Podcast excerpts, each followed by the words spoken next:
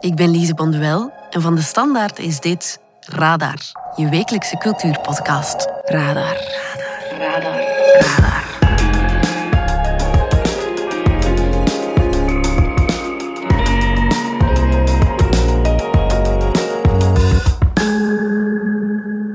Op 2 september vorig jaar draaiden de internetservers overuren.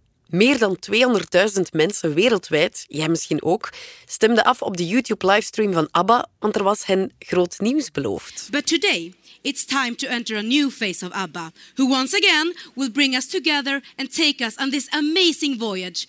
A voyage filled with music and lots of surprises. En het was belachelijk goed nieuws. Well, then I think it's time for us to buckle up and enjoy the ride. It is a big break, but we knew something was cooking in the ABBA camp. Here they go again. Oh my god, ABBA, what's happening?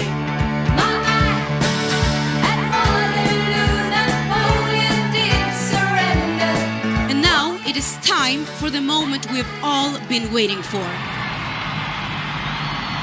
ABBA is back.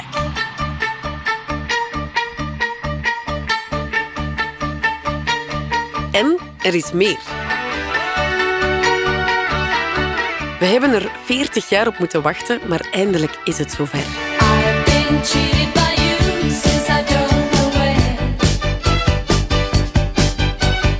Ze zijn terug met een nieuw album Voyage en een gelijknamige tour. Maar niet zomaar een tour. we are creating them as digital characters that we will then be using performance capture techniques to animate them and perform them and make them look perfectly real.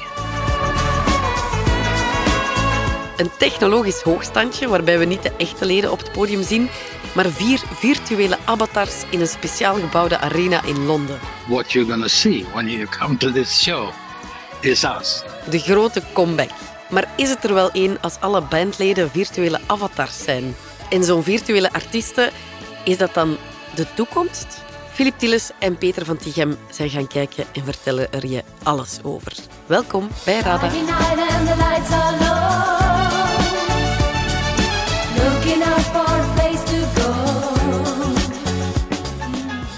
Filip en Peter, hoe hard zijn jullie eigenlijk fan van ABBA op een schaal van 1 tot 10? Ik ben eh, een hele grote fan van ABBA. Ik wil dat gerust 10 op 10 eh, geven, omdat ik eh, de muziek van die groep bijzonder goed vind. En dat gaat veel verder dan de hits. En ik bewonder ook het hele traject dat ze afgelegd hebben op technologisch vlak en op PR-vlak. Hoe je dus een eigenlijk beperkte songcataloog zo lang kan laten leven en telkens in een nieuwe context zetten, is in de popmuziek eigenlijk echt wel bijna een unicum. The numbers are huge. ABBA, 400 million albums sold worldwide, 17 number one hits. Um, your songs are streamed over 16 million times a month. I mean, this is bonkers. Jij, Filip? Eh, ik herinner me dat mijn vader cd's van ABBA thuis had, dus als kind luisterde ik daar soms wel naar. En ik, eh, grote fan zou ik me niet per se noemen, ik vind het wel echt heel tof. Maar ik heb wel, tien jaar geleden, is een toneelstuk met jongeren gemaakt, getiteld Lay All Your Love On Me.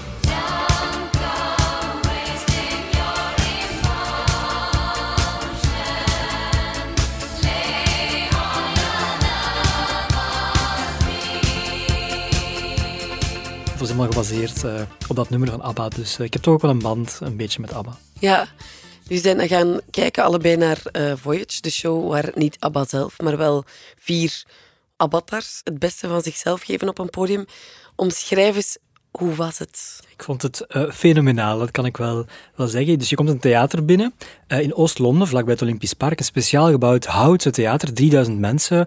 Best gezellig eigenlijk. En, je, en dan kijk je, ja, naar wat kijk je eigenlijk? Naar een, een heel groot projectiescherm, een soort IMAX, maar dan nog breder, waarop eh, dan die avatars verschijnen. Dus vier ja, gefilmde, geprojecteerde versies van ABBA. Het is niet een soort hologram met ro- rook of zoiets. Het, het zijn echt vier... Je hebt geen 3D-bril op en toch lijkt het alsof je naar 3D-mensen kijkt. Het is zo goed gedaan. En dan is er ook een live band, een tienkoppige live band. Ehm, ik vind het zelf een mix tussen een concert, een grote videoclip en een soort game waar je in beland bent. Dus dat had ik echt nog nooit gezien. Dus je wordt ondergedompeld in een ABBA-universum. om het zo te zeggen. Dat is heel tof. Wat ook heel bijzonder is tussen de nummers, is dat uh, de leden van ABBA jou ook aanspreken. En uh, het eerste wat je hoort is, is Benny, denk ik, die zegt... To be or not to be, that is no longer the question. Dus daar wordt eigenlijk wat geduld met het idee van uh, zijn we echt, zijn we niet echt? Doe het ertoe, het is niet langer de vraag. Ja, dus ik vind die humor, wel mee. die Zweden hebben ook wel humor. Bijvoorbeeld later, ik, Benny of Bjorn, ik weet al niet meer wie, zegt dan van, ja, uh, yeah, sorry audience, uh, we need to wait, we need some time for costume change. En dan zie je ze op de achtergrond, zo gezegd, van kostuum veranderen. Terwijl, het is gewoon allemaal vooraf opgenomen. In een vingerknip zouden ze van kostuum kunnen veranderen, maar ze proberen dan toch een beetje gimmicky, wel, is waar, maar zo het idee van een live performance, waarbij we dan met outfits moeten wisselen dus ik vind het wel leuk. Het is in de puntjes verzorgd en tegelijk zijn ze nooit pretentieus. En dat vind ik daar ook wel fijn aan. Maar toen ABBA dus de avatars voor het eerst verschenen, ik denk dat de mensen naast mij totaal wild werden. Zo, het is ook heel geloofwaardig wat je ziet, terwijl je dus kijkt naar een soort animatiefiguren, verjongd ook. Dus je kijkt naar... De jongere uh, versies van... Annie Fried, Agneta, Benny en Bjorn vanuit 1979, hoe ze er toen uitzien. Maar dat zijn geen filmbeelden, het is een soort digitaal gerecreëerd beeld. Nu zijn ze meer dan 40 jaar ouder. People have often talked about whether you can create either people who have lived in the past or people when they were younger. And we actually create ABBA in their prime. 1979. Er is veel te doen om het feit, eh, geloof je dat ze digitaal verjongd zijn of niet? En ik vind dat ook niet echt per se de, de hamvraag van dit optreden, maar het is toch bijzonder geloofwaardig gedaan en je gaat er heel makkelijk in mee.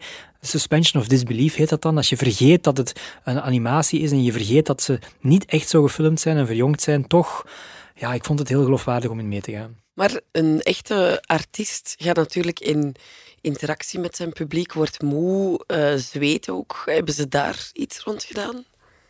Ja, een beetje wel, maar dat is zo gedaan dat je dat eigenlijk weet dat het erom gedaan is. En het begint allemaal, zoals Philip zegt, bij die willing suspension of disbelief. Dat is het sleutelbegrip. Ga je binnen om het te geloven of niet? Mm. Nu ben ik zelf is mijn mening een beetje gemengd. Aan de ene kant vind ik het technologisch geweldig. Ik, ik kan er niet bij hoe ze dat zo goed kunnen recreëren. En ik kijk uit naar de making-of, die zal moeten uitleggen van hoe kan dit. Want je gelooft echt dat ze er staan. Van de andere kant houden ze die willing suspension of disbelief zelf niet vol. En dan gaat het erom, trek je je daar iets van aan of niet? Wil je gewoon wild meegaan, dan ga je een prima namiddag of avond hebben dat je daar bent.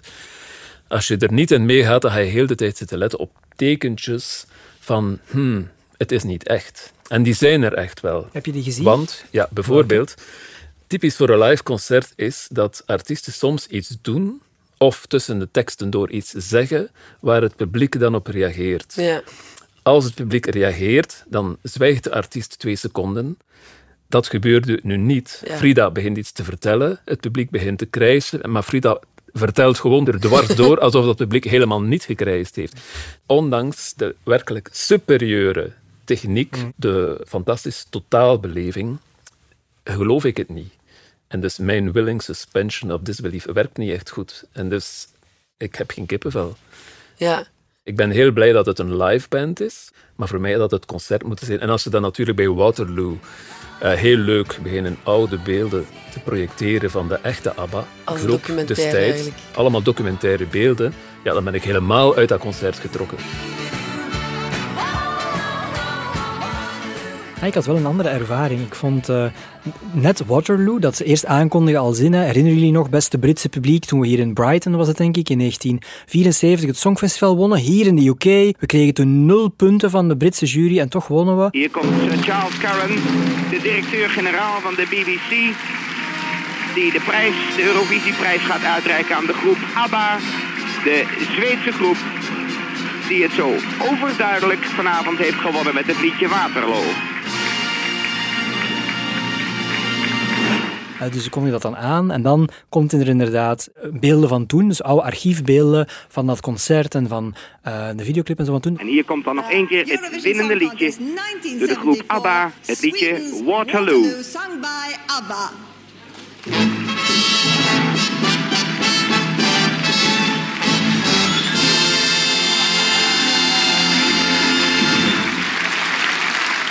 En ik vond dat wel een kippenvelmoment. En ehm, ja, ik had toch ook niet zoveel moeite met, het, uh, met een uh, mix tussen dat je hen ziet concerteren en de grote momenten zoals Leo Love Me. Napoleon staat weer in de orkestbak.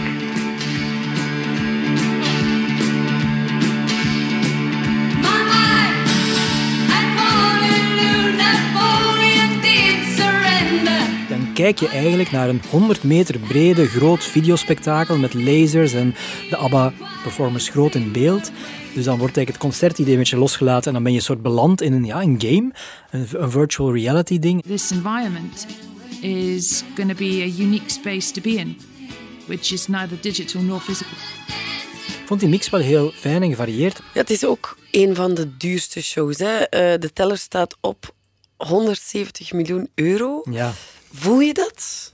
Ja, als je, er is gewoon een theater voor gebouwd. Het is zo'n enorm uh, videowall waar je naar kijkt. Uh, en natuurlijk, heel veel geld zal ook gekropen zijn in die digitale verjongingstechnieken en die animaties. Ja. Ik uh, las dat ze er vijf weken aan gewerkt hebben. Dat de echte ABBA-leden de vijf weken gefilmd zijn in een soort pak met sensoren. Elke dag ja, performden, dansten zij een nummer op repeat, denk ik. En dat werd dan gecapteerd en daar werd dan een animatie van gemaakt. Dus, ja, dus de moves die we op het podium zien, hebben de leden van ABBA ook echt gedaan.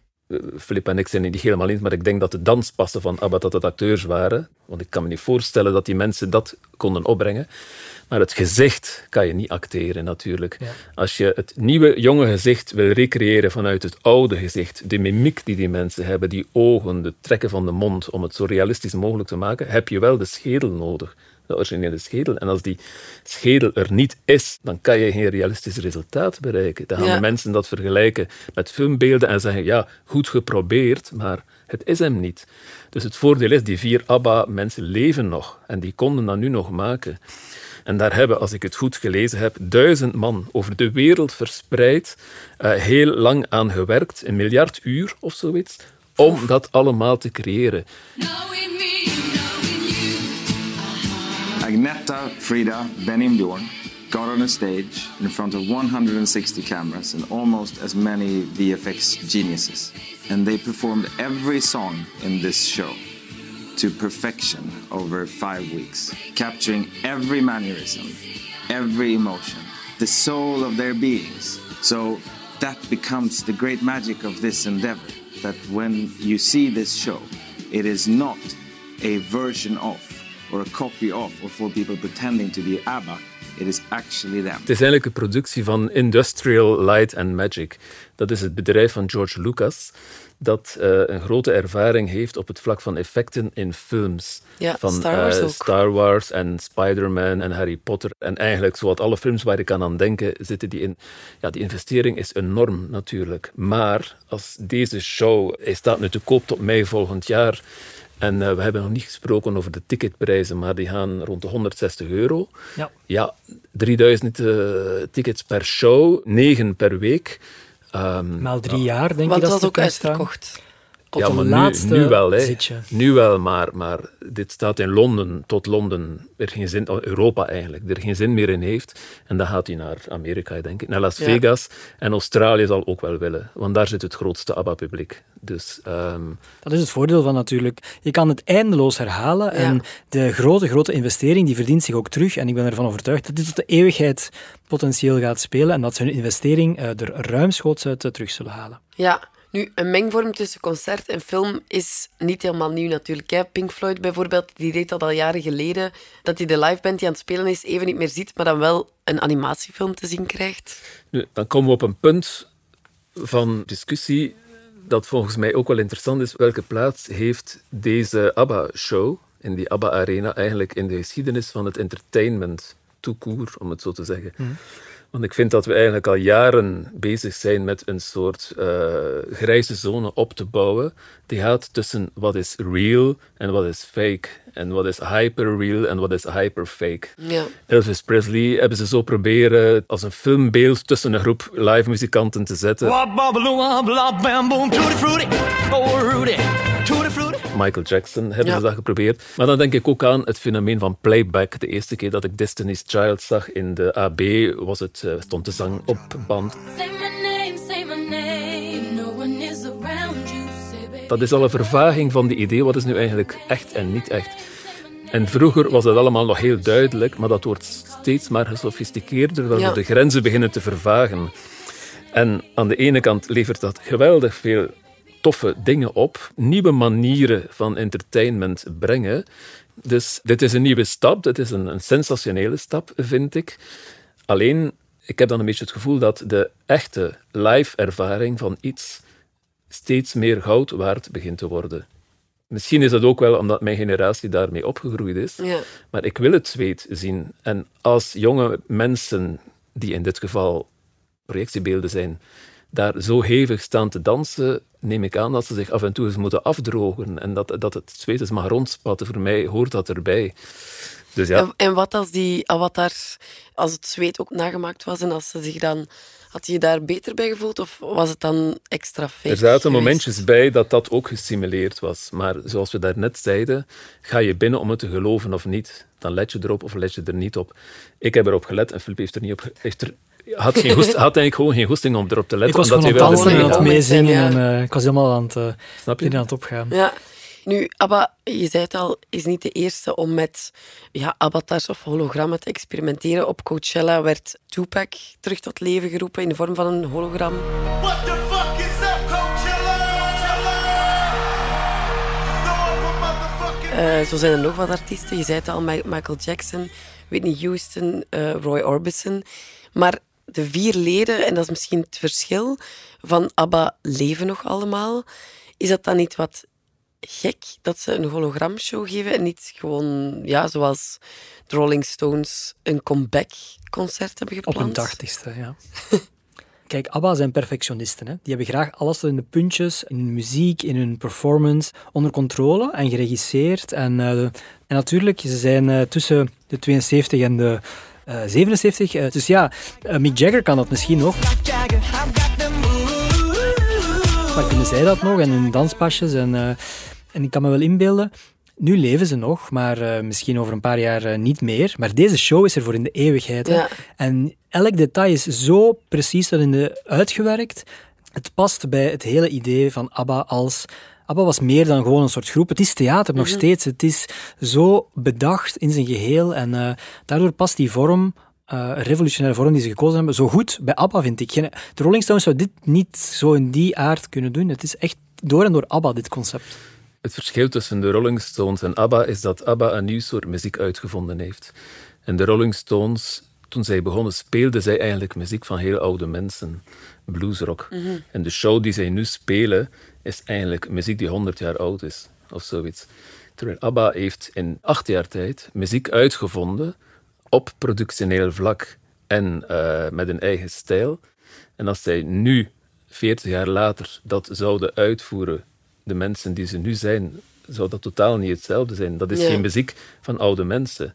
Ze zouden eigenlijk moeten een plaat maken die ze ten dele gemaakt hebben, maar ook niet helemaal. Die past bij hun leeftijd.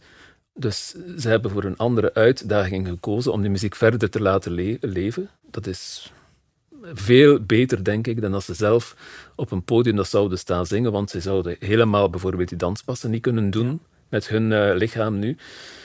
Die popmuziek moet zich uitdrukken in bewegingen, in een frisse zang, in een bepaalde sound die ze helemaal niet meer kunnen recreëren. ABBA heeft dus als het ware een nieuw genre van concertbeleving gecreëerd, als ik het goed heb. Ik beschouw het eigenlijk als een nieuw soort cinema, omdat het een projectie is. En ik verwelkom dat, dit nieuw soort cinema. Het gaat dus nog veel mooie momenten beleven. Het is geen concert. Want een concert is elke avond anders. En deze vertoning is elke avond dezelfde.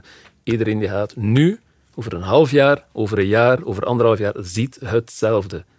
Het is misschien geen concert. maar wel de muziekbeleving heruitgevonden, vind ik. Want ik was heel sceptisch voor ik ging kijken. Ik dacht, ja, ja, het zal wel met die verjonging en die projectie, dat gaat toch nooit eh, goed werken. Maar ik ben totaal overstag gegaan. Ik vond het fenomenaal.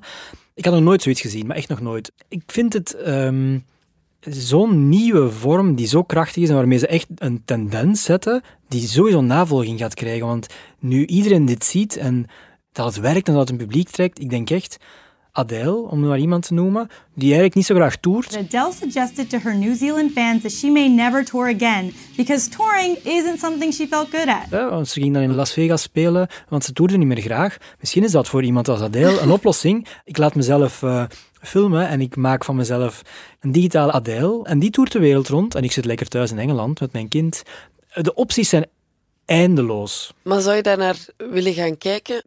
Heb je niet nog meer zin om je lievelingsartiest live te zien spelen? Maar natuurlijk. Ik heb Adele gezien in de AB Club en ik ben daar heel blij voor. Ik stond aan, vooraan aan het podium, ik kon haar bijna aanraken. Ja, en ik moet haar niet meer zien op die grote podia en zeker niet in een dergelijke show. Want de live herinnering, het levende wezen, de, de twijfels, de, de, de, haperingen, het zweet, alles wat erin zat, is voor mij veel waardevoller.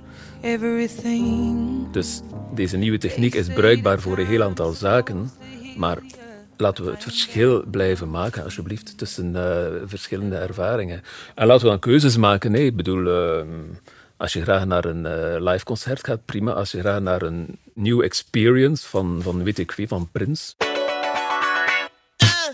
Wie zullen ze allemaal uh, doen nu? Uh, maar ik ben het niet eens met jou, Flip, dat dat nu zo makkelijk bereikbaar is. Ik denk dat dat heel duur is. Misschien zal Lucas daar nu in investeren om dat dan allemaal verkoopbaar te maken. Maar als wij een concert van een artiest kunnen zien in jouw optie, dan doet het er niet meer toe waar en wanneer je hem ziet. Het is altijd hetzelfde. En dat is eigenlijk best, best, wel eng, vind ik. Het is heel eng. Het is, uh... Plus, ik heb vorig weekend uh, Nick Cave gezien, eindelijk.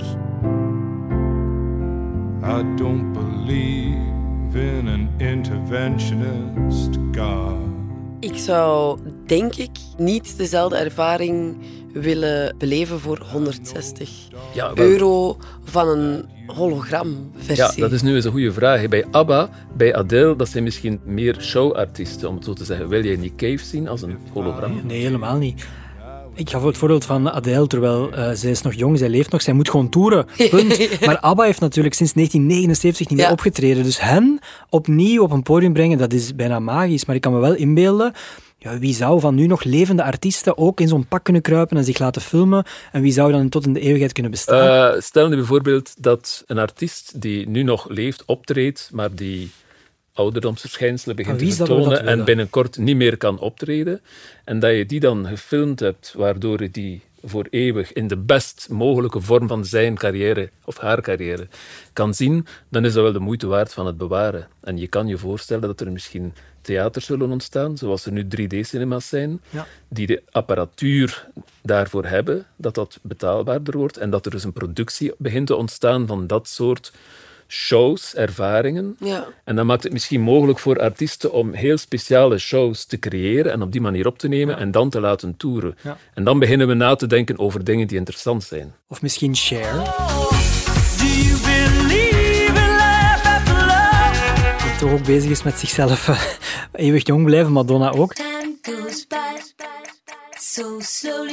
De digitale techniek kan hen eh, voor eeuwig jong houden en hun eh, tot in de puntjes verzorgde choreografieën en shows eh, tot in de eeuwigheid Ja. misschien blijven tonen. Maar er is wel één moeilijkheid. Hè? Je zei het al, je hebt de schedel nodig van een artiest om een heel realistische versie neer te zetten. Bij Ja. overleden artiesten is een... Dat zal heel moeilijk worden, want allee, ze zullen het wellicht proberen met de Beatles.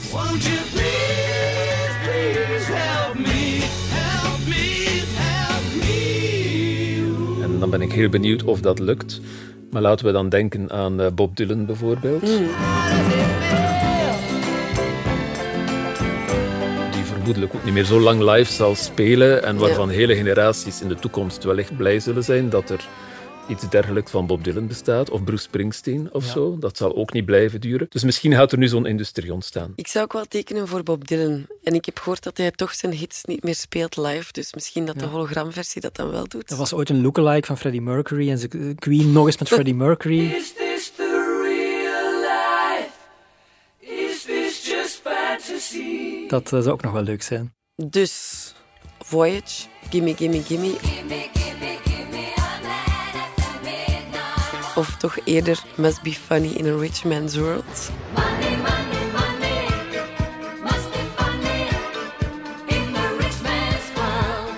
Gimme, gimme, gimme, meer van dat. Ik wil zo nog eens gaan kijken. Ja, je moet er zeker geld voor hebben, dat is eh, wel duidelijk. We hebben ook nog niet gesproken over het hele effect hiervan op de live-industrie. Ik bedoel, er zijn heel veel mensen die proberen live aan de bak te komen. Veel goedkoper dan dit en soms veel intenser in kleine zalen. Is dit eh, niet een serieuze concurrentie voor hen? Moeten ze dit zo zien? Ik weet het niet. Maar Zoals Video Killed the Radio Star. Krijg je nu Hmm. Avatars Killed the Live Performance, zoiets misschien. het zal niet zo snel gaan, maar ehm, ja. Maar Veel- het is veel wel een mensen geven hier. mogelijkheid. Wel ja, het budget voor live entertainment van mensen is ook niet oneindig. Hoeveel geef je per Ja. maand of per jaar aan je live entertainment? Stel dat je zegt, ik geef 300 euro per jaar aan live entertainment, dat lijkt me al redelijk veel voor gemiddelde. Ja, dan pakt dit al de helft ervan weg. Ja, dan kan je er twee artiesten Dan kan je er twee mee zien die niet eens echt zijn. Ja. En met datzelfde geld kan je in, eh, ik zeg maar iets, de rotonde van de botaniek er ehm, hoeveel, hoeveel zien? Een, een 25-tal. Ja, ja. En toch is die 140 euro Abba Voyage waard. Ik vind het wel. Je moet het echt een keer meegemaakt hebben. En hebben jullie tips voor mensen die willen gaan kijken? Maak er een weekend Londen van, zo heb ik het ook gedaan. En maak een wandeling daar in het eh, Olympic Park en in Hackney. In dat nieuw stukje Londen dat daar ontgonnen wordt. En eh, geniet ervan, van ABBA. En je ongeloof op voorhand proberen te laten varen en gewoon genieten. Ja, ik zou zeggen, als je wil gaan, ga dan naar die ABBA-show en zorg dat je drie dagen in Londen bent. Ga de volgende avond naar een echt concert. en dan is het weer in balans. Filip en Peter, dankjewel. Graag gedaan. Graag gedaan hoor. Radar.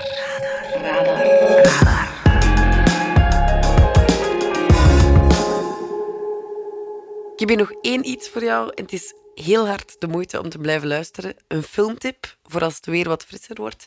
En vooral als je je lachspieren wilt trainen. Je krijgt hem van Jeroen Struis. Ik heb een tip. Het is een film, Incroyable mais vrai. Het is een ridicule, knotsgekke film. Het is een Franse komedie en wie nu al vluchtend wegrent, dit is dus wel een grappige Franse komedie.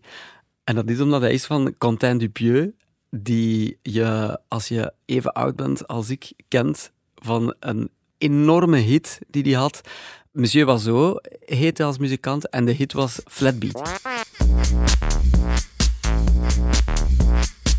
En na die hit had hij zoveel geld verdiend, volgens mij, dat hij eh, voortaan kon doen waar hij echt zin in had, namelijk knotsgekke films maken. Een van de eerste die hij maakte was Rubber over een autoband. Everybody, this is what our killer looks like. Tired. Zijn vorige film ging over twee idioten met een gigantische vlieg in hun koffer. Ouah, c'est une mouche Mais non. Ah si, putain, c'est une mouche. En dit is een film over twee mensen die een huis kopen waar een tijdreismachine in zit. Ce conduit peut radicalement changer votre vie. En die twee mensen, een koppel, wordt door de makelaar door het huis geleid. Dan komen ze in de kelder. Daar is de echte highlight van het huis, vertelt hij. En hij wijst naar een riooldeksel. J'ai plutôt envie de vous faire découvrir ce qui est à mon sens le clou de la visite. Ja, dat is natuurlijk al heel onnozel. En ze gaan door eh, dat riooldeksel. En wat gebeurt er? Ze komen uit bovenop zolder. Ja, dat is natuurlijk echt de meest idiote plotwending die je kan hebben in een, in een film. Maar er is meer dan dat. Namelijk, wie door die rioolbuis gaat, die springt ook twaalf uur vooruit in de tijd. Maar je wordt er ook drie dagen jonger van. En dat ziet de vrouw van het koppel ziet dat wel zitten. Maar al gauw zal blijken dat het, eh, behalve een eh, leuke extra van het huis, eigenlijk toch ook met een verborgen gebrek komt. Enfin, daar draait die hele film eigenlijk rond. Het slaat op niks. Het is compleet ridicuul. Het is ook eh, heel puberaal, maar het speelt zich dan wel af met personages die ja, vijftigers zijn. Dus dat zijn dan vijftigers die zich gedragen als pubers. Is dat niet de werkelijkheid? En het is gewoon compleet van de pot gerukt. En ik vond het hilarisch. En ik wil gewoon nog eens opnieuw een film van die man zien. En dat kan ook, want hij maakt er tegenwoordig zo wat één, twee per jaar. In Cannes stelde hij alweer zijn volgende film voor, dus die komt er ook nog aan. Maar in tussentijd kan je naar deze gaan. Het is volstrekt pretentieloos, puberaal plezier. Ik zou zeggen, het is voor tieners en voor iedereen die zich nog tiener voelt. Incroyable, mais vrai. Vous n'allez pas me croire, et pourtant c'est la vérité. Ongelooflijk maar waar, dit is een Franse komedie die echt grappig is. Radar.